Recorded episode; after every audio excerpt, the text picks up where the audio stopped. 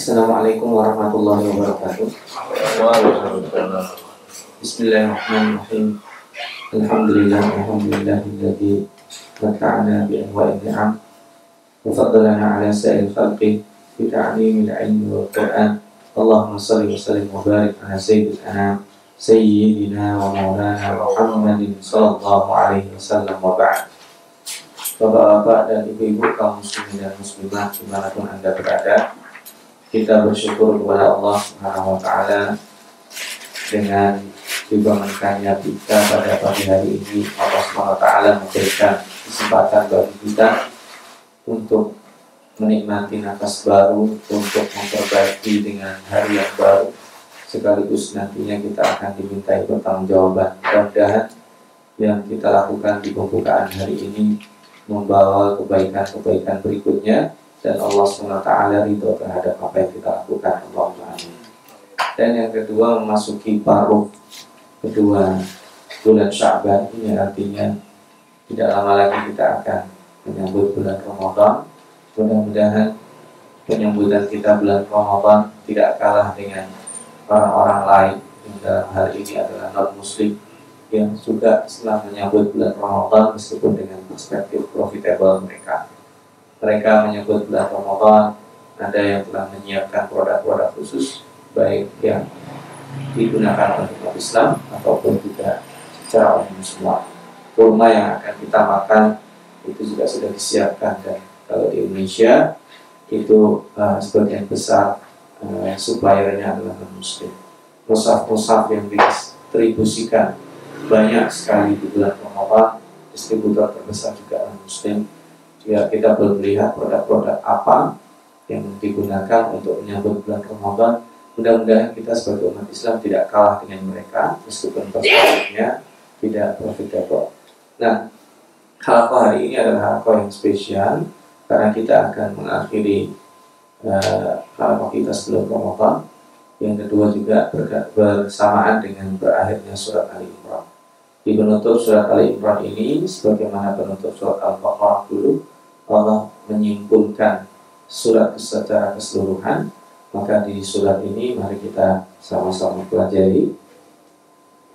E, merupakan inti dari apa yang kita pelajari selama beberapa halakoh yaitu berkenaan dengan e, ahli kitab dan juga Allah SWT janji mengabulkan apa yang diminta oleh orang-orang yang baik ya.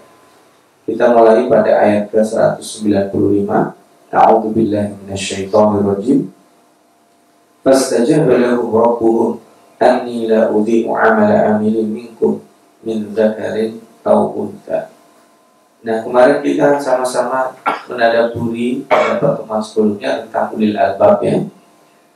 Kemudian karakteristik mereka yang mereka lakukan, kemudian doa-doa mereka. Lalu Allah Subhanahu wa taala menjawab langsung ya fastajabalahu.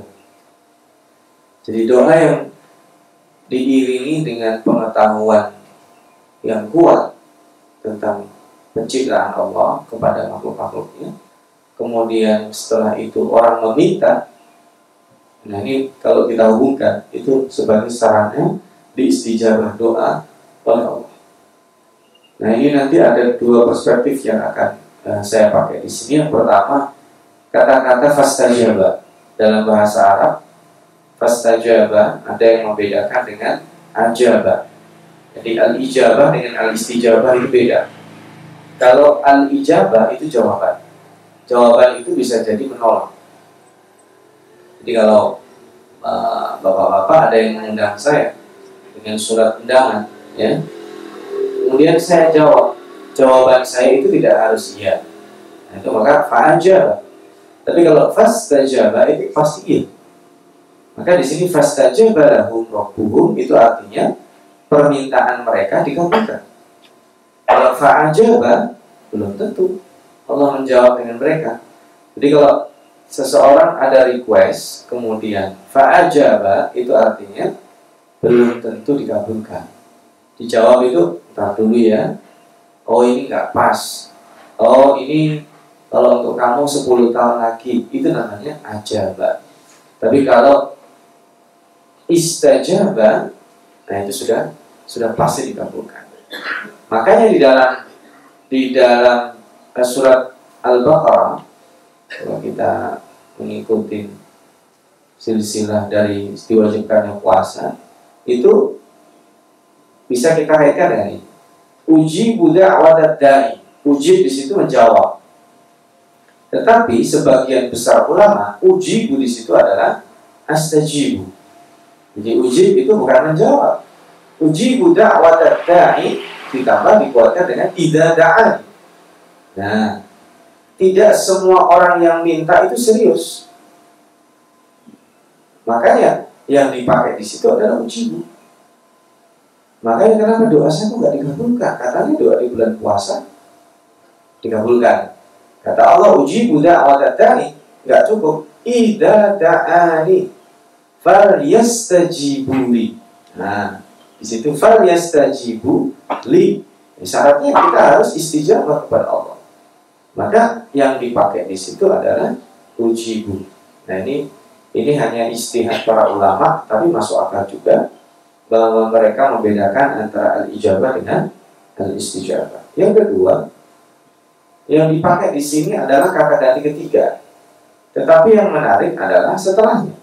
Apa kata Allah? Anila udi'u amala amile minkum bukan minhum. Harusnya kalau konsistensi bahasa itu fastajabahum rabbuhum anila udi'u amala amile minhum itu kalau konsistensi bahasa ya. Mereka maka Allah kabulkan apa yang mereka minta. Tuhan mereka mengabulkannya. Ya? Apa? Kata Allah menegaskannya anila udi sesungguhnya aku tidak menyia-nyiakan atau tidak menganggap tidak ada perbuatan orang yang beramal di antara kalian bukan di antara mereka. Dan di sini kan fas saja balahum Tuhan mereka. Harusnya kan anahu la yudi'u, tapi langsung ani. Jadi mulai ani di situ berubah. Jadi kalau sudah berdialog langsung dengan Allah, Allah lebih sering menggunakan bahasa aku dan kamu. Aku dan kalian. Nah, sesungguhnya aku kata Allah di sini berarti aku di sini adalah roh tadi yang dikatakan sebelumnya la udi sekali-kali tidak menyia-nyiakan tidak menganggap hilang tidak uh, menolkan, tidak menihilkan. Amala amilin. Nah ini yang dipakai bagus sekali. Amala amilin artinya yang dinilai itu adalah bukan hasilnya. Amala amilin itu adalah perbuatannya. Bahwa Allah Subhanahu wa taala menilai sesuatu itu bukan kepada kuantitas tapi kualitas. Makanya dalam menyambut bulan Ramadan itu kita harus mengupgrade kualitas interaksi kita dengan Al-Qur'an. Oh saya baru belajar Al-Quran. Bagaimana? Allah yang akan itu. Orang-orang yang belajar Al-Quran tata Dan dia terbata-bata Maka falahu ajr Dia akan mendapatkan dua pahala. Jadi Al-ajr ala tilawah Pahala dia membaca Wal ajr ala tata tu'ih Dan pahala atas terbata-batanya dia Dan dia sabar. Mungkin bagi seseorang satu jam dia dapat satu juz setengah atau dua juz, tapi ternyata orang ini baru belajar, dia sudah satu jam menekuni Al-Quran, baru dapat satu halaman.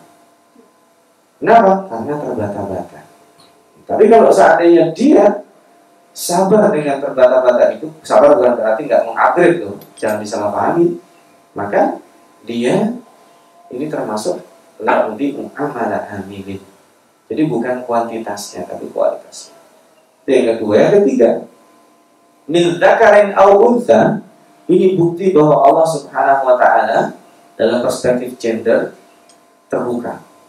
Jadi persaingan ibu-ibu dan bapak-bapak sekalian yang dimuliakan Allah di sini tidak melihat jenis kelamin.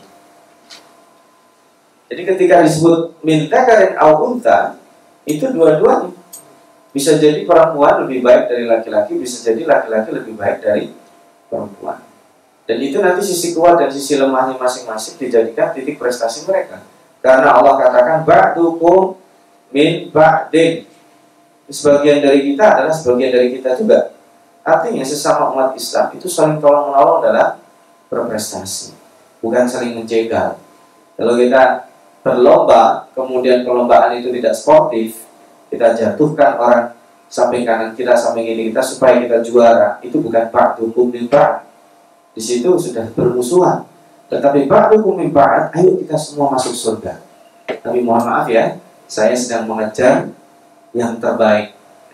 Dan itu sah-sah saja demikian ya Allah mudah-mudahan yang di tempat ini yang sedang ikut halakoh ini baik yang ada di sini atau di tempat lain mudah-mudahan engkau masukkan surga. Nah, kemudian kita aminkan kan?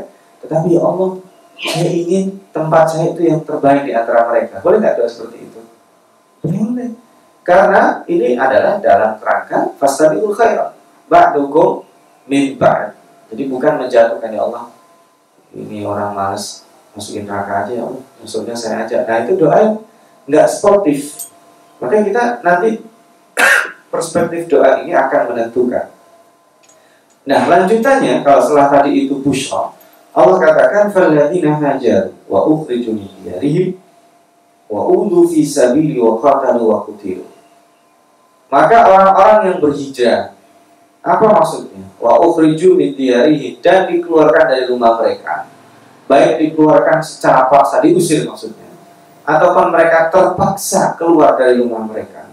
Kan kalau kita melihat sejarah orang-orang hijrah zaman Rasulullah SAW baik yang ke Habasyah ataupun yang hijrah yang kubra yang ke Madinah kan mereka antara dua ini terpaksa keluar atau dipaksa keluar.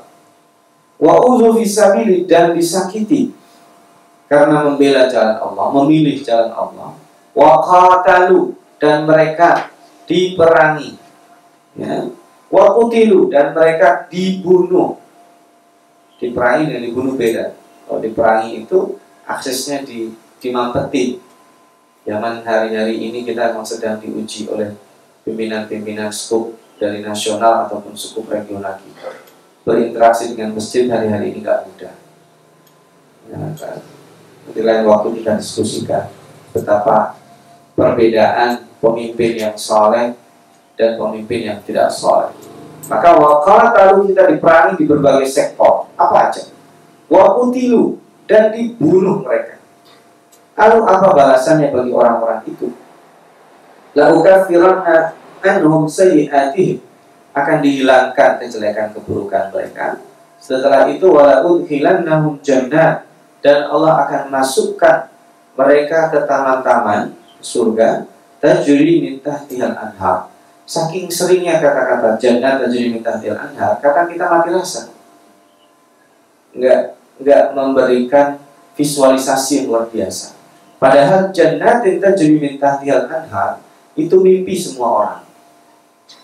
Apalagi kalau ini dibacakan kepada orang-orang yang hidup di gunung pasir, gunung-gunung batu. Itu punya taman, di bawahnya ada gemericik air. Wah, itu surga. Makanya kalau bisa, nanti kita kalau ini tergantung kondisi kita ya. Kalau kita punya rumah, bangun rumah, itu usahakan kita punya taman yang di dalamnya ada gemericik airnya. Biar kita bisa memvisualisasikan surga secara cepat di rumah kita. Karena kan kadang kalau kita sedang nyalakan air misalnya, yang rumahnya ada misalkan apa kolam yang diputar airnya nyala, kemudian melihat taman, itu kecil. Ya kalau kita bisa membayangkan kemudian terbang, oh Gimana kira-kira nanti Allah memasukkan surga? Tidak bisa dibayangkan, tetapi membayangkannya itu boleh. Dan bahkan justru dianjurkan supaya kekuatan visualisasi kita itu akan mendidik kecerdasan kita. Kata baginda Rasulullah kan itu ya.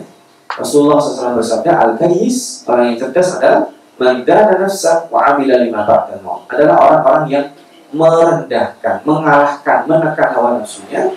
Dia berbuat untuk yang setelah mati itu artinya kekuatan visualisasi dia bahwa jannah tinta juri minta tial anhar ini bahasan yang luar biasa yang saking seringnya dibaca Al-Quran kadang kita menganggap ah itu biasa aja. Padahal itu luar biasa sekali.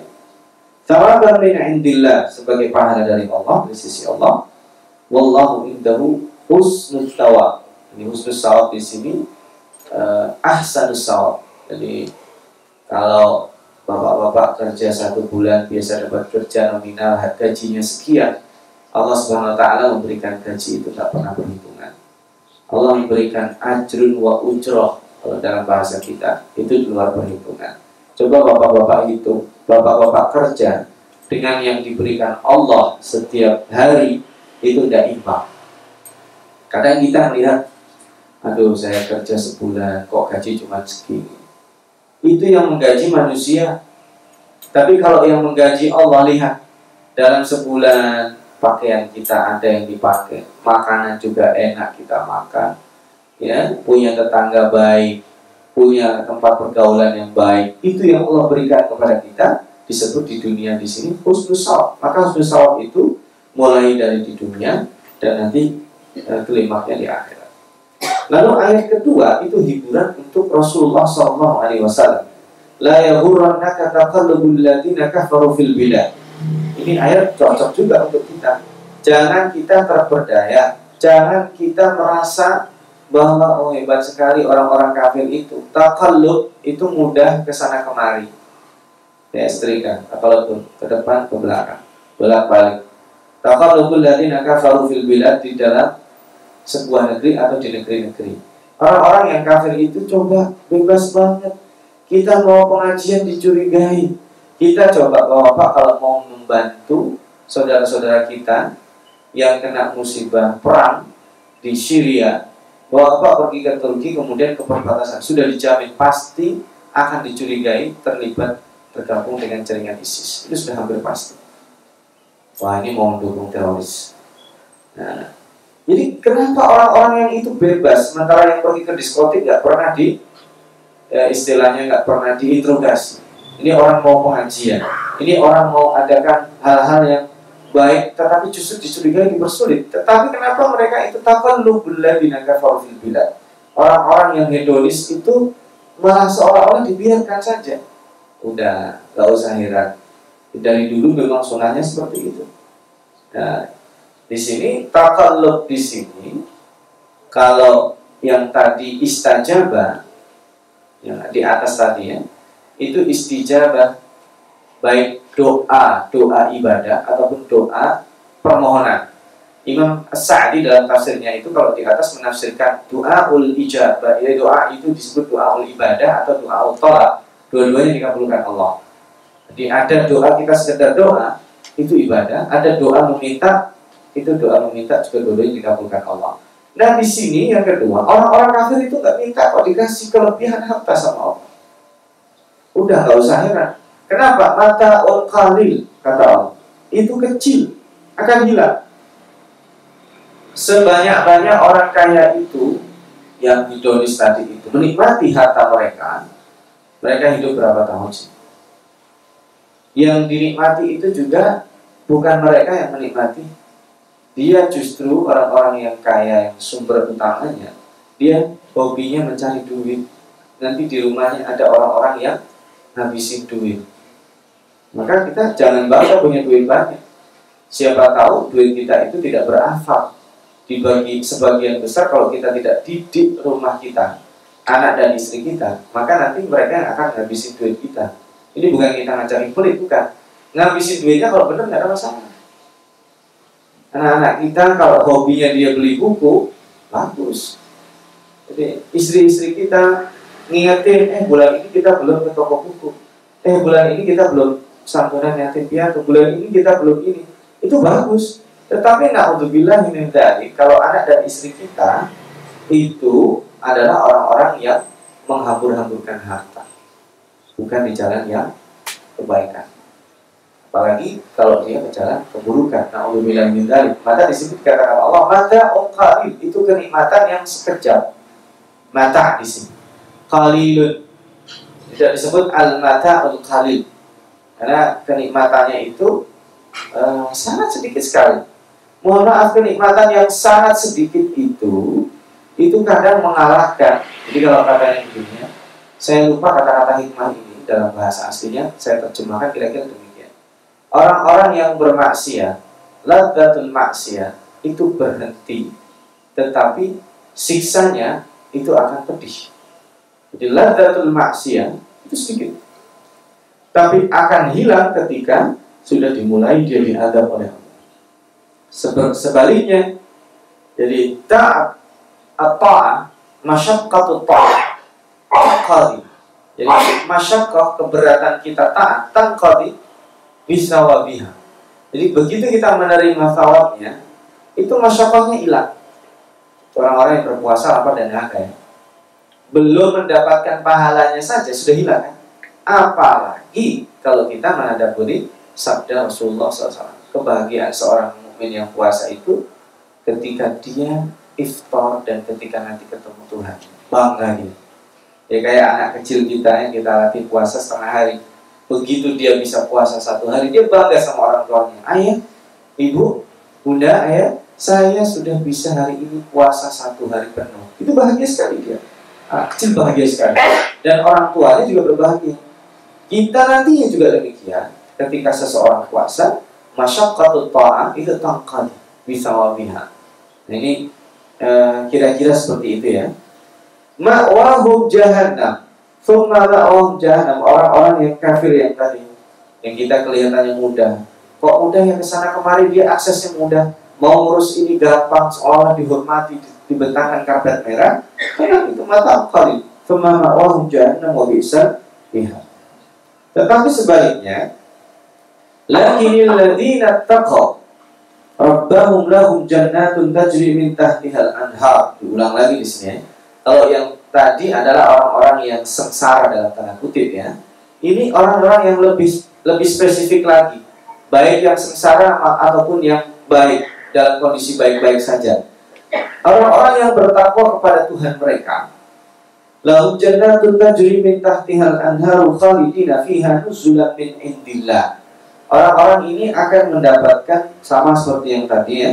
Taman-taman, taman-taman itu bukan tempat tinggal ya tetapi bonus yang Allah berikan kepada mereka nanti di ayat lain dikatakan wa masakin thayyibatan fi jannati adn mereka juga mendapatkan masakin tempat-tempat tinggal yang layak nah ini dikatakan ada uh, dalam surat Ar-Rahman itu kan dikatakan jannatan dua surga dua taman dua akses perumahan yang satu perumahan untuk orang-orang yang bertamu untuk bercengkrama dengan masyarakat umum, teman-teman komunitas mereka, nanti yang satu lagi untuk keluarga. Nah, nanti kan di dalam Al-Quran dikatakan Fa'aqbala ba'duhum ala ba'din yatasa'alun Nanti di surga itu Penduduk-penduduk surga itu Saling berziarah Dan yatasa'alun bertanya Wah rumah kamu baik bagus sekali sih Kok lebih bagus dari rumah saya Ya tasa'al mereka bertanya, kamu apa yang kamu lakukan? Dan mereka nanti menjawab. Dan semuanya itu disukulkan di dalam ayat ayat tersebut musyfikun. Musyfikun itu takut kepada adab Allah. Maka di sini dikatakan alladzina taqaw rabbahum itu yang bertakwa kepada Allah itu takut kepada Allah. Takwa itu kan inti, inti dari takwa adalah takut. Ya, anak kecil itu dalam dunia pendidikan kadang kita Eh, sekarang ini dalam dunia pendidikan modern kita disuruh meminimalisir ancaman kepada anak. Tetapi kalau anak ini tidak merasa terancam, dia berada di zona aman, maka anak untuk berprestasi juga sulit. Maka perlu dipelajari ulang oleh para pakar pendidikan. Yang dimaksud tidak boleh ancaman adalah ancaman yang buruk. Tapi kalau ancaman yang baik, anak harus punya. Karena seseorang kalau berada di zona aman, dia nyaman-nyaman saja, dia tidak akan tertantang untuk berprestasi. Maka kita lihat itu orang-orang yang yang gigi biasanya bermula dari perasaan dia tidak aman. Perasaan tidak aman itu kemudian mengakibatkan dia mencari suasana yang bisa menyebabkan dia aman. Di situlah dia berprestasi. Maka konsep takwa itu sebenarnya apa? saya tidak aman di dunia ini meskipun sudah banyak sholat, sudah banyak puasa. Nah konsep itu yang kalau dia kristalkan itu disebut dengan takwa.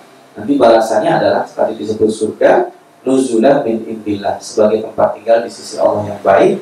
Wa ma khairul lil abrar. Nah ini di sini secara umum ya. Ini tiga bagian dalam surat ini.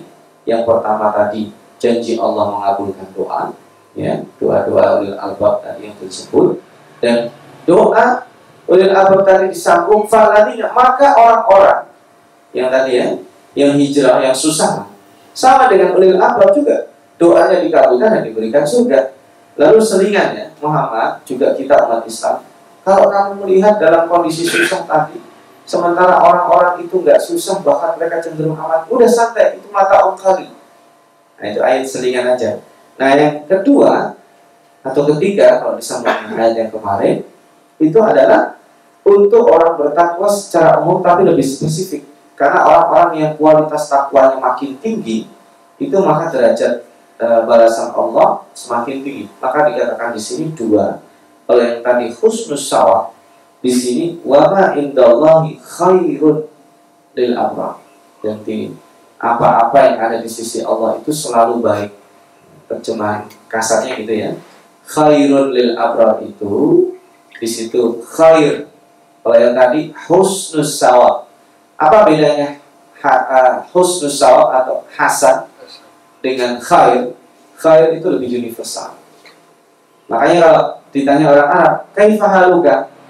Jawabannya khair. Alhamdulillah khair. Khair itu baik. Nggak ada di sini. Kaifa haluka?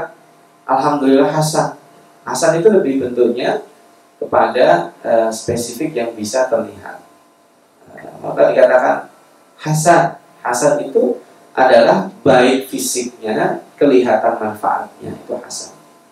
Makanya di, kita sering dikatakan kalau uh, innal hasanat yudhibna sayyiat. Kebaikan itu akan menghilangkan keburukan.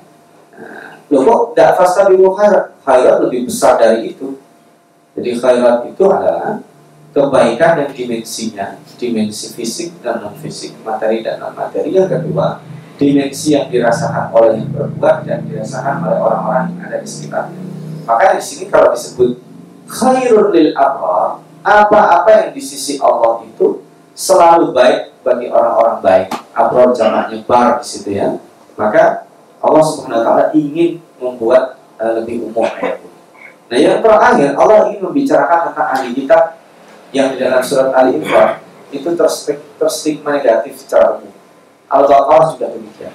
Ali Imran itu uh, lebih kepada Bani Israel yang pengikutnya Nabi Isa, meskipun nanti ada orang-orang Yahudi, orang Nasrani di sini. Kalau Al-Baqarah itu sebagian besar membicarakan tentang Bani Israel yang berafiliasi nanti dengan Yahudi. Nah, di antara mereka itu, wa inna min ahli kitab, ingat ya, kalau utul kitab itu ulamanya, ahli kitab secara umum semuanya, baik Yahudi maupun Nasrani. Di antara mereka ada Laman yu'minu billahi wa ma unzila ilaikum. Di antara mereka ada orang-orang yang beriman kepada Allah wa ma unzila ilaikum dan beriman kepada yang diturunkan kepada kalian. Kalian itu adalah Nabi Muhammad dan umatnya. Wa ma unzila ilaihim dan yang diturunkan kepada mereka sebelum Al-Qur'an tentunya. Khashi'ina lillah. Mereka ini khusyuk pada Allah. La yashtaruna bi ayatillahi thamanan qalila. Mereka tidak memperjualbelikan ayat Allah dengan dunia. Sama dengan khalilah ini sama dengan mata mukhalil kehidupan dunia ini. Ulaika lahum ajruhum inda rabbihim dan mereka akan mendapatkan balasan pahala dari Allah di sisi Tuhan mereka. Innallaha sari'ul hisab. Nah ini tadi kan membicarakan tentang kebaikan. Kok membicarakan sari'ul hisab kan horor. Harusnya kan innallaha misalnya wasiun alim, luas ilmunya, luas balasannya, luas kelapangannya, luas kasih sayangnya, alim dan maha tahu. Tapi di sini kok sarihul hisab. Sarihul hisab itu kan ngeri. Kenapa? Allah itu menghitung-hitung detil dan cepat. Kan kita ngebayangin ya. Kalau ada manusia, gak usah dari Nabi Adam, hari ini jumlah manusia berapa miliar. Hari ini yang hidup satu level sama kita, di satu zaman dengan kita. Kalau dihisap sama Allah, itu butuh berapa waktu? Gak usah itu satu desa ini. Kalau didata ulang sama panitia, satu hari kelar gak itu? Bapak siapa namanya, umurnya berapa, lahir berapa, kemudian isi formulir ya, didata manual seperti itu, selesai gak satu hari? Belum tentu selesai. Apalagi di sini dihisap dari kehidupannya. Kamu setelah akil balik di sini sholatnya seperti ini diputar video dan sebagainya kita ngebayangin kalau di antri kita akan dihisap oleh Allah akan sampai kapan ini dihisapnya saja sengsara. Tapi kata Allah, sari'ul bisa cepet kalau hitung-hitung kayak gitu. Uh, orang sudah ada template-nya bahasa bahasa modernnya ya. Kalau orang mengerjakan sesuatu kita di dunia aja orang manusia punya template aja cepat apalagi Allah. Apa yang tidak dipunyai template-nya? Semuanya dimiliki oleh Allah. Cepat sekali bisa jangan kita bayangkan lama. Nah korelasinya adalah begini. Kita kan tadi bicarakan amal baik saya ini Allah tahu nggak ya? Saya punya amal baik di sini tapi saya bangga dengan yang ini Allah tahu nggak? Ingat la udimu amala amil minkum. Satu Allah tidak akan menyia-nyiakan. Yang kedua itu dihitungnya sebanyak itu detil Allah maka dikatakan syariul hisab. Jadi syariul hisab itu ada dua sisi. Dipakai orang baik bisa dipakai orang buruk bisa. Orang yang buruk jangan mengatakan ah, paling nanti saya nggak akan sedetil itu ditanya jadi yang sekarang ini apes-apes kayak dulu zaman saya kuliah ada ujian lisan. Ujian lisan itu yang apes yang dipanggil di awal-awal. Kenapa? Masih seger pengujinya. Nanyanya detil.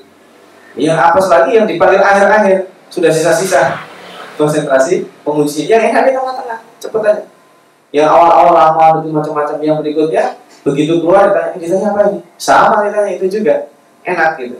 Jadi orang-orang yang berbuk berpikirkan ah saya nanti paling juga nggak ditanya saya mampu berapa kali berzina berapa kali maksiat berapa kali dilewatin aja oh jangan Allah tidak pernah menganggap wa may ya'mal mithqala dzarratin ya wa may ya'mal mithqala dzarratin syarra ya semua akan dihisab sama orang-orang yang berbuat baik ya saya apa nanti dianggap ya saya sudah sekian yang dihisap oleh Allah maka di situ dikatakan innallaha sariul hisab akan cepat nanti giliran kita. Misalkan kita nanti misalkan kita visualisasikan secara digital. Nomor antrian Anda yang akan dihisap adalah di nomor 28 miliar misalnya. Sekian juta, sekian juta, sekian sekian. Ya. Saya dihisap ke nomor sekian. Wah, tidur dulu. Jangan harap bisa tidur. Tidak bisa. Orang itu nanti berpikir, jangankan gitu. Dihisap kita, mohon maaf, nanti dikumpulkan di hari kiamat dalam hadis. Manusia dikumpulkan sebagai yang terlahir. Dia tidak pakai pakaian. Se sehelai pun tidak pakai alas kaki. Dan semuanya dihidupkan dengan posisi umur yang sama. Semuanya berumur antara 30 sampai 40 tahun. Jadi Nabi Nuh, kaum Nabi Nuh yang umurnya ribuan tahun itu nanti tidak seperti itu. Nanti kakek-kakek ya atau baik uh, atau yang dia masih meninggalnya udah akil balik tapi belum sampai di semua akan sama rata disamakan oleh Allah Subhanahu wa taala maka inna Allah asariul hisab itu gampang bagi Allah. Template-nya sudah disediakan. Ya, maka di akhir di sini pesan Allah ini inti dari surat Al-Ali Imran itu di ayat yang terakhir. Nida ayat e, panggilan kesayangan Allah yang hanya dimuat di dalam Al-Quran itu 89 kali. Ya ayyuhalladzina amanu itu diulang 89 kali. Kata Allah apa menghadapi semua yang tadi tiga hal itu? Isbiru. Sabar ya wasobiru terus bersabar. Ini hanya ada di ayat ini. Harusnya cukup isbiru sabar. Aduh, saya kayaknya stop sabarannya habis. Wasobiru dan paksa bersabar. Terus bersabar. Sobiru bersabar perlu komunitas. Cari orang-orang yang nasihati kamu supaya sabar. Padahal biasanya apa? Kita kalau tertimpa musibah kan biasanya orang ada orang yang kita cintai meninggal dunia atau kena musibah, kena kecelakaan dan sebagainya, biasanya disuruh apa? Yang sabar ya. Kita jawabnya, udah tahu, saya udah sabar, gitu. Ya nggak bisa. Meskipun kita akan tahu yang akan diucapkan dari bibir-bibir orang mencintai kita itu akan itu sabar ya. Itu kita harus wasobiru. Makanya di dalam surat uh, Al-Asr orang-orang yang akan selamat dari kerugian itu di antara orang yang beriman dan berbuat baik terakhirnya watawasau bil haqqi watawasau bis Jadi kesabaran itu tidak bisa dibangun dengan sendiri. Isbiru wasobiru dipaksa diteruskan berkelanjutan. Terus ada berikutnya warobitu. Ribat itu adalah untuk menjaga. E, makna ribat itu luas ya, lain waktu kita akan bahas maka robi itu di situ berkenaan dengan jihad fisabilillah. Jadi kalau ada lubang-lubang yang akan dimasuki musuh-musuh Allah baik dari kalangan manusia dan jin, kita warobi itu tutup, ikat. Jadi Roba itu dari ikatan. Maka arribat itu mengikat. Warobitu itu mengisyaratkan kalian harus bergandengan tangan. Mengisyaratkan kalian harus bekerja sama.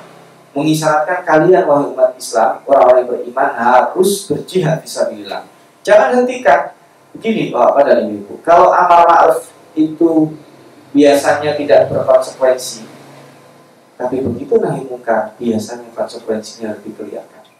Saya ngajak sholat ibu-ibu bapak-bapak, biasanya biasa ngajak ngaji, ngajak baca Quran, ya itu biasanya relatif lah ringan resiko. Tapi begitu saya meng mengkeluarkan jangan judi, di sini tidak ada prostitusi, di sini tidak ada uh, apa misalkan tidak ada dangdutan, tidak ada joget-joget.